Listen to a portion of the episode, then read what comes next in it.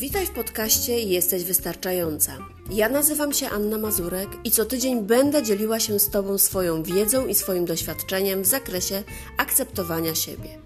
Jestem pierwszym w Polsce coachem pokochiwania siebie i z ogromną pasją i zaangażowaniem wspieram kobiety, aby uzmysłowiły sobie i upewniły się w tym, że takie jakie są, są wystarczająco dobre. Wiem, że w nas samych jest dużo większy potencjał niż nam się wydaje. I jako coach będę towarzyszyć Ci w drodze do odkrycia tego potencjału, odblokowania się i zaprzyjaźnienia się ze sobą i pokochania siebie. Jeśli więc jesteś gotowa, żeby w końcu pójść swoją drogą, odrzucić przekonania innych i odrzucić perfekcjonizm, jesteś we właściwym miejscu. Zapraszam Cię do odsłuchania nowego odcinka.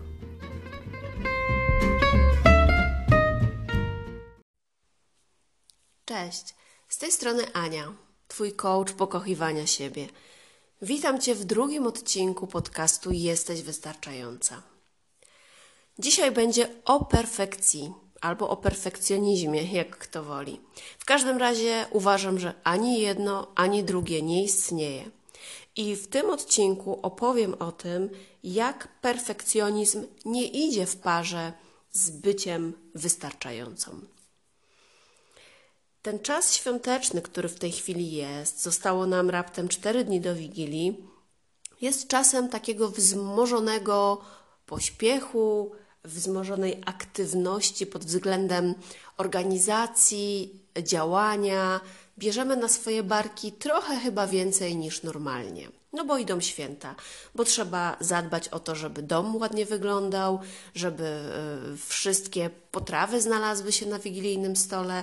Najlepiej jeszcze, jak y, wszystko będzie własnoręcznie przygotowane. E, do tego przyjdzie nasza rodzina, e, my pięknie wyglądające, uśmiechnięte, w cudownym nastroju zasiądziemy do tego stołu. I taki obrazek często widzimy w reklamach telewizyjnych, na mediach społecznościowych. Natomiast czy ten obrazek rzeczywiście przedstawia prawdziwe życie? Mm, wydaje mi się, że nie. Że bardzo często udajemy, albo powiedziałabym nawet bardzo często jesteśmy tak naprawdę trochę mamione takimi obrazkami, a rzeczywistość okazuje się inna. A te obrazki tylko powodują w nas takie poczucie, że my też tak powinnyśmy, że my też e, musimy.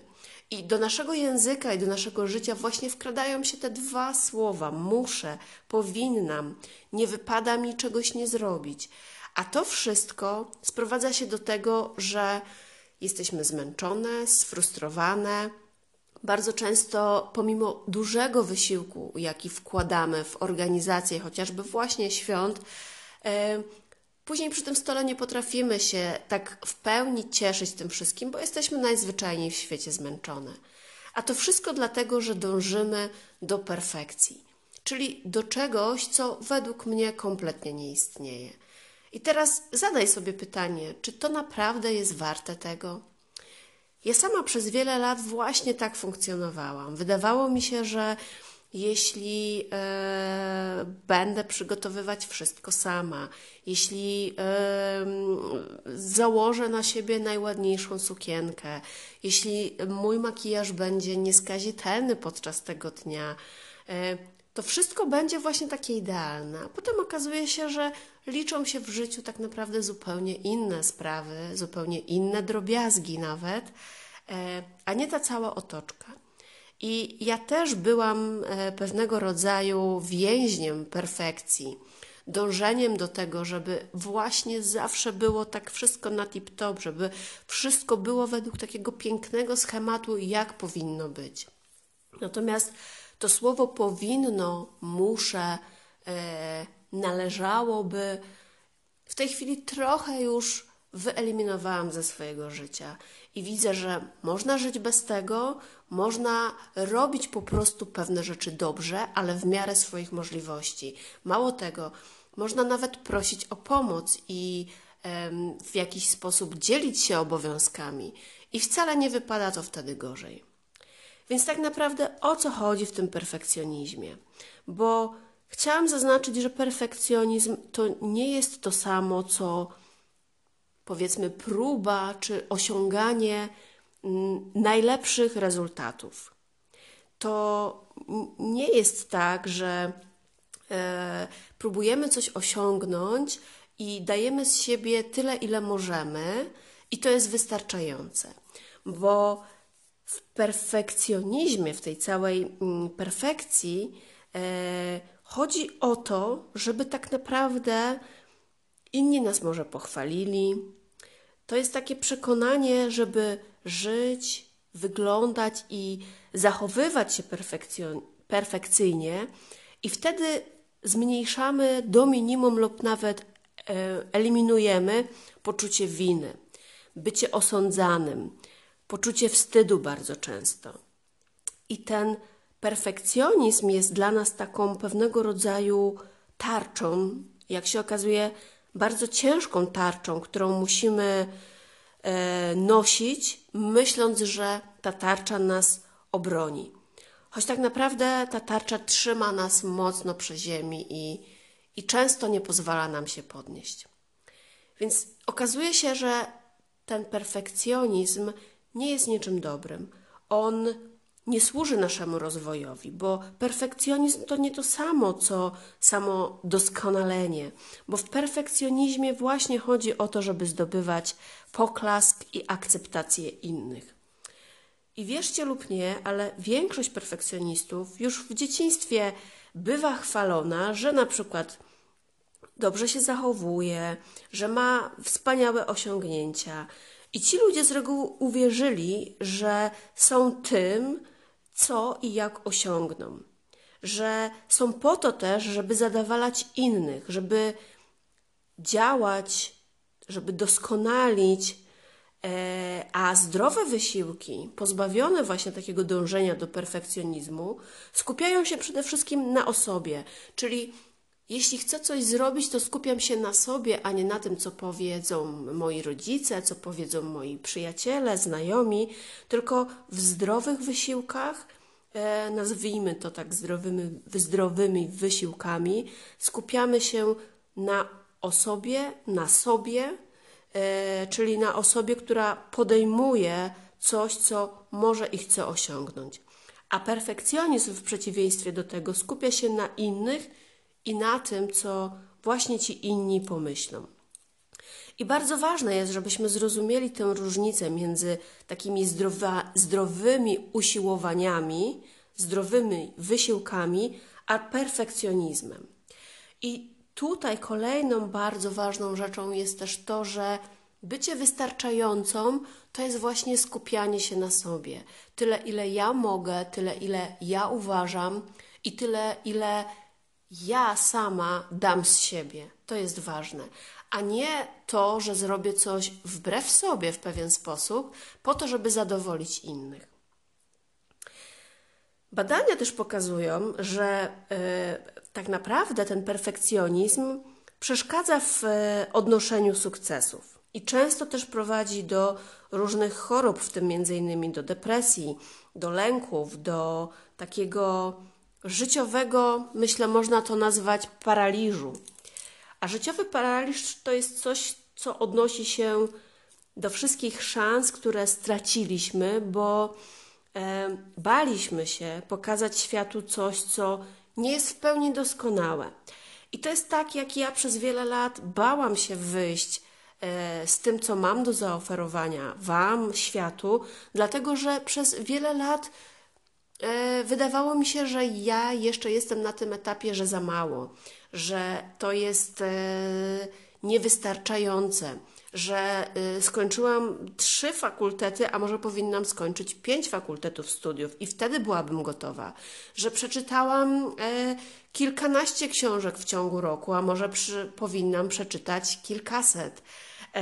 I ciągle to jest takie poczucie, że jeszcze nie jestem gotowa, bo boję się pokazać coś, co właśnie jest nie w pełni doskonałe. E, a także ten życiowy paraliż odnosi się do wszystkich marzeń, które tak naprawdę zaniechaliśmy, bo baliśmy się błędów i Baliśmy się przede wszystkim rozczarowań, ale też rozczarowań innych. I sami sobie odpowiedzcie, same sobie odpowiedzcie na pytanie, ile razy właśnie zaniechałaś jakiegoś działania tylko dlatego, że pojawił się pewnego rodzaju lęk, strach, wstyd przed tym, że coś może nie pójść, że coś może być e, nie do końca właśnie takie idealne. I ja dzisiaj wiem, że to jest ok, bo, bo życie takie jest, że żebyśmy się czegoś nauczyli, żebyśmy coś robili naprawdę dobrze, to musimy od czegoś zacząć. To nie jest tak, że e, nagram pierwszy odcinek podcastu e, i on będzie super ekstra perfekcyjny, bo tak nie jest. I drugi, i trzeci pewnie też nie. Ale mam nadzieję, że mimo to e, chętnie mnie słuchacie i będziecie słuchać dalej i same będziecie w stanie zobaczyć, że przy 30 odcinku e, dużo lepiej mi to idzie. Taką mam nadzieję. Więc z tym perfekcjonizmem tak właśnie jest, że tutaj gdzieś w grę, tam gdzie wchodzi w grę perfekcjonizm, zawsze czai się wstyd. A wstyd właśnie bierze się z perfekcjonizmu. Więc która z Was nie miała tak, że wstydziła się czegoś? A przypomnijcie sobie e, szkołę i, i wystąpienia na scenie. Dlaczego jest wstyd? Dlaczego jest taki stres i strach? Dlatego, że z reguły, jeśli występujemy, to jest to stosunkowo rzadko i e, takie wystąpienie powoduje, że jest to sytuacja nowa dla nas, której się boimy, bo właśnie nie wiemy, jak wyjdzie, nie mamy w tym wprawy i boimy się, jak ocenią nas inni. A jeśli mamy tendencję do właśnie bycia perfekcyjną, dążenia do tego perfekcjonizmu, to ten wstyd i strach może nas nawet sparaliżować. Więc zaznaczyć chciałabym, że perfekcjonizm tak naprawdę to jest autodestrukcyjny e, i uzależniający system wierzeń, który prowadzi do podstawowej, powiedziałabym, myśli, czyli jak będę wyglądać, żyć, postępować perfekcyjnie, to uniknę lub zminimalizuję e, bolesne uczucia związane ze wstydem, na przykład, czy z cudzymi osądami, e, czy z poczuciem winy. I dodatkowo jeszcze chciałam zaznaczyć, że perfekcjonizm też jest autodestrukcyjny, bo nie istnieje coś takiego jak doskonałość. Jest on celem nieosiągalnym. W dodatku perfekcjonizm dotyczy raczej tego, jak jesteśmy postrzegani. I przecież nie możemy być ciągle odbierani jako doskonali, bo niezależnie od tego, jak będziemy się starać, jak będziemy postępować, nie mamy wpływu na to, jak będą nas widzieć inni, a tym bardziej nie mamy wpływu na to, jak będą nas odbierać, jak nas ocenią, czy każdemu y, będzie podobało się to, co robimy. I już dzisiaj wiem, że nie, że tak nie będzie. Ale jeśli jesteśmy wystarczające i czujemy, że jesteśmy wystarczające, i czujemy, że robimy to naprawdę szczerze, naprawdę z dużym zaangażowaniem i wkładamy w to swój własny wysiłek, ale taki, który pozwoli nam funkcjonować i pozwoli nam wyjść ze swoim przedsięwzięciem do innych, e, to dajemy sobie szansę na to, że po pierwsze, same przed sobą będziemy czuły, że robimy coś dobrego, coś ważnego, e, i ta część odbiorców, która uzna, że to jest ważne, doceni to, e, zobaczy w tym wartość. I niestety wszyscy na pewno nie, bo zna, zawsze znajdzie się ktoś, kto będzie myślał inaczej niż my, Natomiast czy w życiu chodzi o to, żeby zadowolić wszystkich? I czy tak naprawdę w życiu jest możliwe zadowolenie wszystkich? Ja myślę, że nie. I jestem przekonana, że się ze mną zgodzicie, że nie jesteśmy w stanie zadowolić wszystkich. A w perfekcjonizmie trochę o to chodzi. Chodzi o taki poklask z zewnątrz, który dostajemy za to, co zrobiłyśmy, czy jakie jesteśmy. A w byciu wystarczającą chodzi o to, żeby być wystarczającą taka, jaka jestem, z całym swoim inwentarzem zalet, z całym swoim inwentarzem e, wad, które mamy, żeby to akceptować i żeby działać mimo jakichś ograniczeń, mimo jakiejś niedoskonałości, po prostu być sobą robić swoje i przede wszystkim być pewną, że to, co robię, robię dobrze i robię wystarczająco dobrze, żeby móc się tym dzielić. Perfekcjonizm tak naprawdę też wzmaga takie prawdopodobieństwo pojawienia się takich bolesnych uczuć i często prowadzi do tego, że mówimy sobie, a raczej wmawiamy sobie, że a to moja wina, bo mi coś nie wyszło, czuję się tak, bo nie jestem dostatecznie dobry, dostatecznie dobra, e, a zasługuję na to, bo może za mało czasu poświęciłam na doprecyzowanie, dopieszczenie pewnych szczegółów. I tak naprawdę w tym perfekcjonizmie, no niestety, bardzo często robi on nam więcej szkody niż pożytku. Aby pokonać ten perfekcjonizm, jest myślę tylko jedna zasada, jeden, jeden klucz do tego. Musimy uznać własne słabości i musimy uznać, że wszyscy doświadczamy wstydu i wszyscy jesteśmy osądzani i wszyscy mamy poczucie winy. To nie jest tak, że te piękne obrazki, które widzimy w mediach społecznościowych, one są po prostu naturalne i przypadkowe czasami. Dobrze wiemy, że tak nie jest. One są bardzo mocno y, do, dopracowane, y, wyreżyserowane często. I gdybyśmy chciały dążyć do takiej perfekcji, jaką widzimy na zewnątrz, no to pewnie nigdy jej nie osiągnie większość z nas, bo, bo nie jest to możliwe.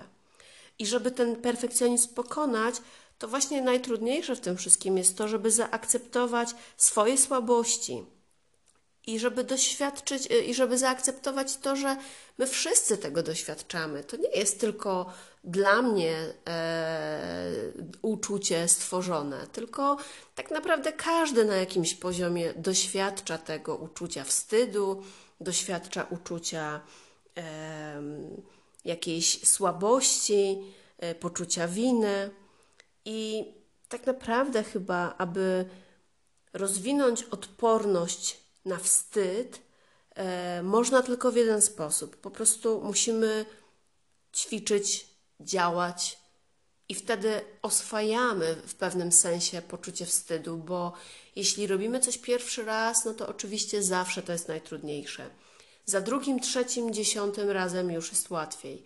Natomiast za dwudziestym piątym e, to się staje czymś naturalnym, więc ten wstyd mija. E, a jeśli jeszcze przy okazji czujemy, że robimy to dobrze, czujemy, że, e, że wkładamy w to całe swoje serce i nie musimy dostawać poklasku od całego świata, ale miło jest, że ktoś to docenia i jest jakieś grono ludzi, które, które wspiera, które rozumie, które docenia, no to to na pewno też pomaga. Natomiast najważniejsze w tym wszystkim jest to, żeby właśnie być dla siebie współczującym, mm, mieć dla siebie samej dużo empatii. Kiedy same siebie będziemy traktować z miłością i współczuciem, to zaczniemy być też bardziej odporni na wstyd i pogodzimy się, myślę, z własną niedoskonałością. Więc tak zmierzając ku końcowi, e, to myślę, że kluczem właśnie, jeszcze raz to powtórzę, do pokonania perfekcjonizmu jest uznanie własnych słabości i pogodzenie się właśnie z tą niedoskonałością.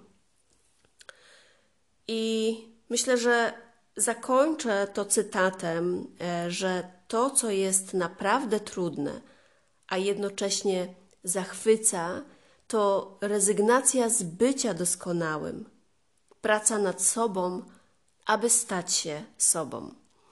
To cytat z Brené Brown i myślę, że to idealnie wpasowuje się w ten nieosiągalny, nierealny perfekcjonizm, a po prostu bycie wystarczającą. To, co jest naprawdę trudne, a jednocześnie zachwyca, jest rezygnacja z bycia doskonałym, praca nad sobą, aby stać się sobą. I tego Wam życzę. Pracujcie nad sobą po to, żebyście się stały sobą, sobą prawdziwą, żebyście były wystarczające i czuły się z tym dobrze. Także dziękuję za dzisiejszy odcinek i oczywiście z wielką radością do usłyszenia w kolejnym nowym odcinku już za tydzień.